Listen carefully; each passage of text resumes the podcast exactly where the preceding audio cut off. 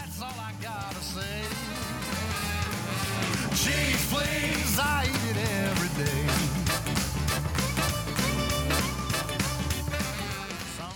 Komið sæl, ég heiti Svavar Haldursson og hjá mér er vinkuna mín Erni Sigurðardóttir. Þetta er heimurostana.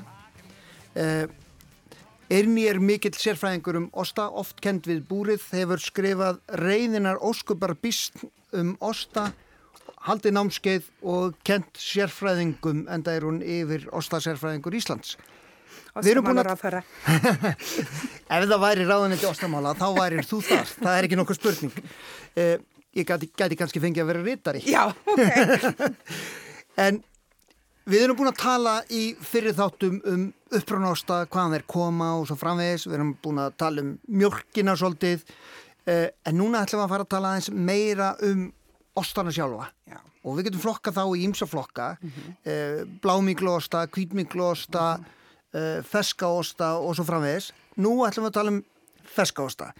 Ef við kannski að byrja á því að fá aðeins að vita áðurinn kannski tölum um það hvernig þeir verða til hvaða svona fræg og ostar falla inn í þennan flokk Ok, náttúrulega hér á Íslandi, þá náttúrulega segir þessi sjálft skýr. Skyr, það er já. náttúrulega okkar þjóðarostur. Já, Um, ef við horfum út um allan heim og það sem fólk náttúrulega hugsa um þegar við hugsa um ferskosta, þá er það feta frá Greiklandi, mozzarella, robiola, stracciatella frá Ítalju. Frakkarnir eru mikið fyrir að nota geitamjólk í ferskostana sína. Svo þar fáum við chef, þessi dásamlega kremaði, rakahái, geitamjólkurostur um, sem að fólk er voru hefið af. Um, svo já, það eru náttúrulega ein heil ósköp af ferskostum búin til út um allan heim.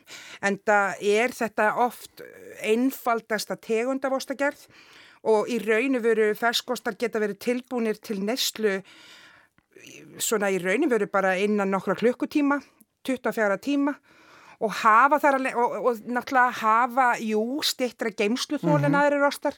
Uh, við tölum um mjög raka, hafa ferskosta kannski alltaf þrjár vikur og svo getum við náttúrulega aðeins eh, verkað á annan hátt og fáum hámark þryggja mánuða neyslu úr Já. þessum ostum. en þarna hafa menn fundið lausnin eins og til dæmis með fetaostin að geima hann í, í olíu Eða sjálfur í mesunni. eða sjálfur missunni Já. og, og, og, og eh, sambarlegt með mo mozzarella Já, eh, í saltpækil. í saltpækli og það er uh, ég fær svo svangur oh, nú ég að hugsa um sko og, uh, mozzarella buffalaostin sem að já, ég myndi kannski halda að vera í svona langfrægasti osturinn í, í, í, í þessum flokki osta og hann er náttúrulega stórkostlega góður og ég er náttúrulega er doldi mengar á því að, að hafa eitt smá tíma á, á Ítalíu. Við erum bara að hætta þessari upptöku og Já. bara að fara að okkur bara- en klárum pínu- þetta eh, hvernig, getur þú líst í örfamorðum, hvernig eh, er, verður þessi ostur til? Hvernig tekur þú mjölk og býr til einhver svona stórkostlegt? Það er fjögur ráfni mm. og, og auðvitað eh, er, er þetta ekki heilugsetning hjá mér því að það er alltaf frábreyði en svona í, í grunninn ef þú tekur tíu lítra af mjólk og þú tekur þessa mjólk beint úr kursinni þá er hún við 37 líkamsheita gráður. Við þetta hitastig er hægt að bæta út í þar sem við, í raun og veru mjólkursýru gerlum, við getum gert það með því að hræra út í uh, teskeið af jógurt sem við áttum til eða súrmjólk eða einhverju slíku. Svo getum við náttúrulega líka leift bara mjólkin að standa í nokkra klukkutíma í ákveðnu umhverfi þar sem að náttúrulega mjólkursýru gerlar eru allt í kringum okkur. Já, já. Svo að mjólk, pH-gildi mjólkuna breytist eilitið. Þegar við þetta er komið, þá er hægt að í raun og veru kannski að hækka hitastigið aðeins á mjólkinni upp í svona 40 gráður Celsius uh, og þá er bættur út í ostahlaupir sem er í raun og veru enzím sem að gera það að verkum að hann svona býr til samofið net af Já. prótínum, fytum og sikrum. Það sem skeður í þessu ferli er að mjólkin sem að rétt áðan fyrir nokkru var bara fljótandi skvamlandi mjólk Mhm. verður í raun og veru að föstu osta hlaup. Já, Allt akkurat. í henni bara, við erum öll lendi í þessu þegar þú svona skilur eitthvað eftir upp á borði. Mhm. Já, já. þekki köklóttu mjólkina sem fór hann í vaskin. Það eru neikvæðar gerlar sem komið þar við sögu svo við erum Mhm. ekki alveg jafnreifin að þeim. En sem sagt, mjólkin verður að þessu fasta hlaupi. Á þeim tímapunkti þarf þú að ákveða hvort þú ætlar að búi til ferskan, ungan og raka háanost eða harðan og þurran og þú gerir það með því að skera í hlaupið. Mhm. Hver einasta rák sem þú skerir, opnar sár og vögvi eða vasshlutfallið Mhm. sem er í kringum 70-80% fer að seitla út. Já, já. Svo til þess að búið til ferskost myndur ekkert skera, þú skerði þetta í teninga og ekkert allt og mikið, Nei, þú vilt halda vökunum. Uh, leifir þess að sita í hálftíma og svo ferðu og varlega auðsar núna Mhm. þessar þjættari hlaupi í þau mót sem þú ætlar að nota. Uh, gamla jógurtósi með göttum, Mhm. litlar strákörfur, hvað sem er til handa, þetta þarf ekki að vera flókið. Og á næstu svona einum til tveimur tímum þá er þetta alltaf mikilvægt að reglulega að snúa þessum ostum þar sem að náttúrulega rakir leitar alltaf niður og þú vilt ekki hafa blöytan og feitana neðan og þurran og, og, og þéttana ofan sko. Svo það er mjög mikilvægt að alltaf að snúa þeim svona nokkra klukkutíma. Þegar þjættleikin er komin í ostin og, og rakaprósentan er svo sem þú vilt, þá náttúrulega kemur næsta skref sem er saltið. Og þá getur þú gert tvent, þú getur tekið lúku af sjávasalti og nuttaði yfirborð ostins, saltið dregst þá inn í uh, ostin og, og, meðal annars bæði bræðbætir og hjálpar að varðveita ostin eða þá þú getur sett hennan ost í saltpækil og náttúrulega osmósi er þannig að hann verður ekkit ofsaltur um, tekið hann svo upp úr þeim saltpækli og drenað og þá er hann í raunu veru tilbúin til átu en svo náttúrulega getur þú gert margt, margt fleira Já. við þennan ost setna, sem setna komið Og sagan segir okkur að, að, menn hafa mjög lengi búið til svona osta og, og mjög líklega voru fyrstu ostanir svona ein- einhvern veginn svona. E, sumir hafa náð heimsfrægð eins og bara ég nefni ricotta sem, sem svona nafn á osti sem allir þekkja.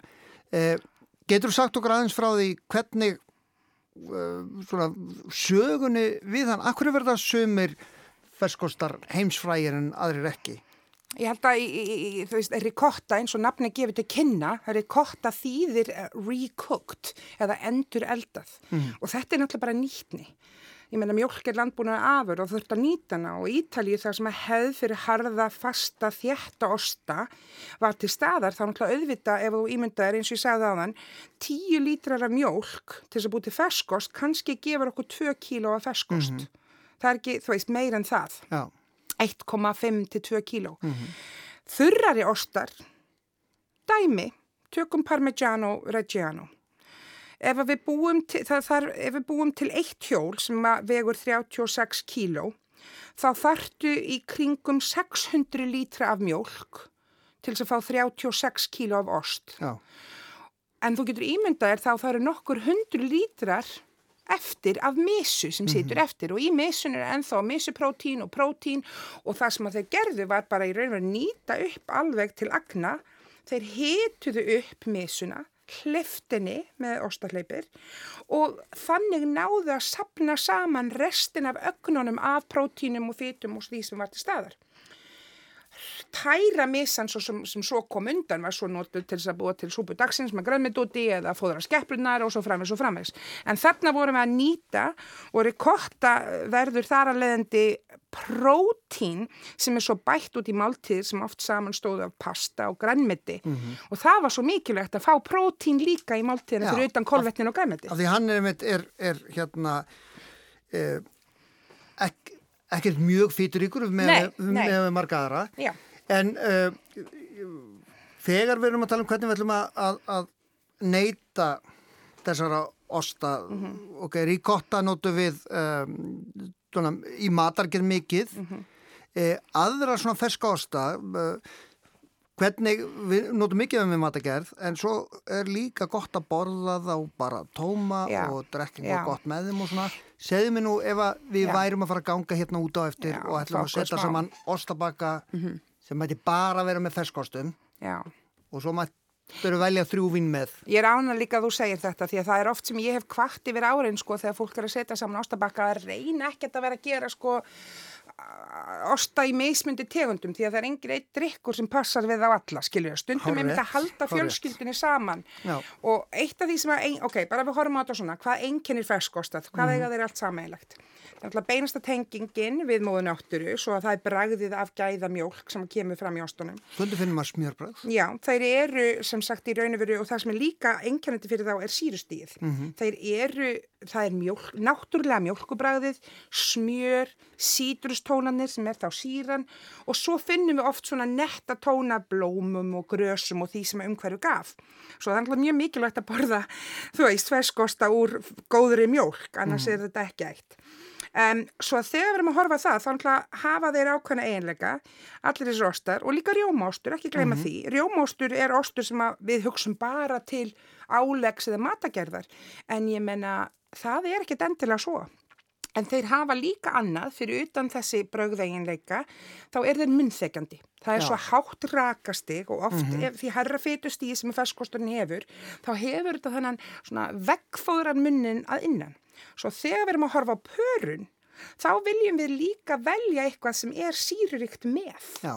Og hvort sem að það er síruríkt uh, krítvín eða ennþá betra uh, gott f- freyðivín eins og Prosecco sem er bæði ávaxtaríkt, síruríkt en einnig hefur kolsýruna sem hjálpar að hreinsa munin eða þá einmitt bjóra sem að hafa þessa léttu síru og kolsýru.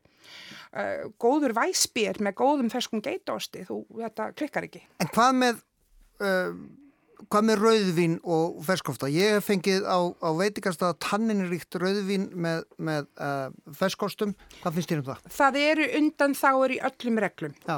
Í, í, ef ég ætla að gefa þér einfalda reglu þá myndi ég segja, látt ekki svona, ekkert vera að tróða bragð miklu rauðvíni sem að í rauninu veru algjörlega felur bragð og, og þessi, þessi fínlegu bragðtónar sem ferskostun gefur okkur. Hins vegar, auðvitað eru til undanþágur og það ein undanþága er fita. Tannin og fita, það er samspil sem virkar. Til þess að gera tannin mýkri, þá þarftu fituna. Svo að ef ég væri með ferskan kindaost til dæmis, sem væri kannski þryggja veikna gamall og komið smá sport í, að þá kannski myndi ég gera svo undan þáu. En mín persónlega skoðun er að ég er svo hrifin af fínleg heitunum, að ég vill ekki yfirknæfa. Og sérstaklega til dæmis því ég er að velja mér, þú veist, fyrir utan drikki, drikk, að velja með meðlæti, þú veist, það segir sér sjálft, ferskir ávöxtur og þú veist, ekki vera feimin við að taka ananas, þú veist, plómur, ekki alltaf að halda sér í vindberjunum, þú veist, að taka svona dólti breyða flóru, mandarínur og ferskostar, halló, Nákvæmlega, nákvæmlega og það er, uh, nú fór maður aftur úr vatni. Já. Þetta er voðalega skemmt. þetta verður erfitt að halda fram.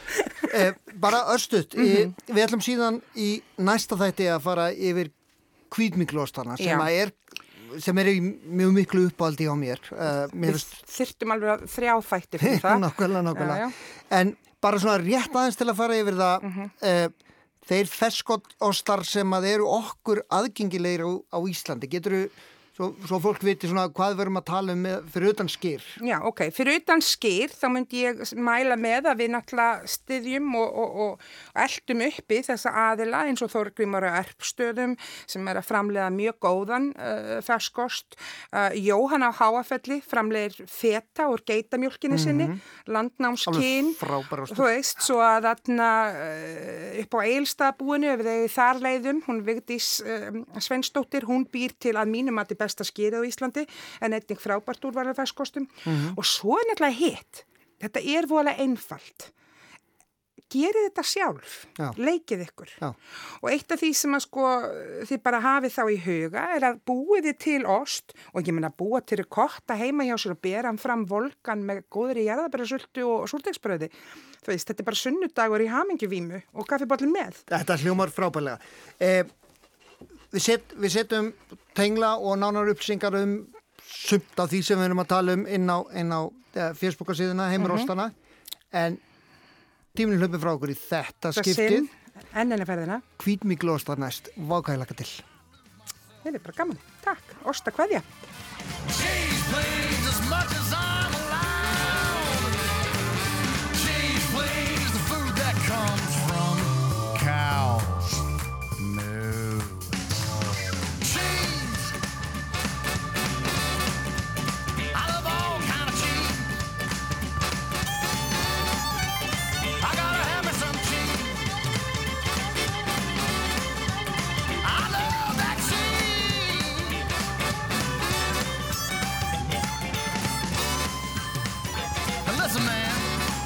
putting cheese down.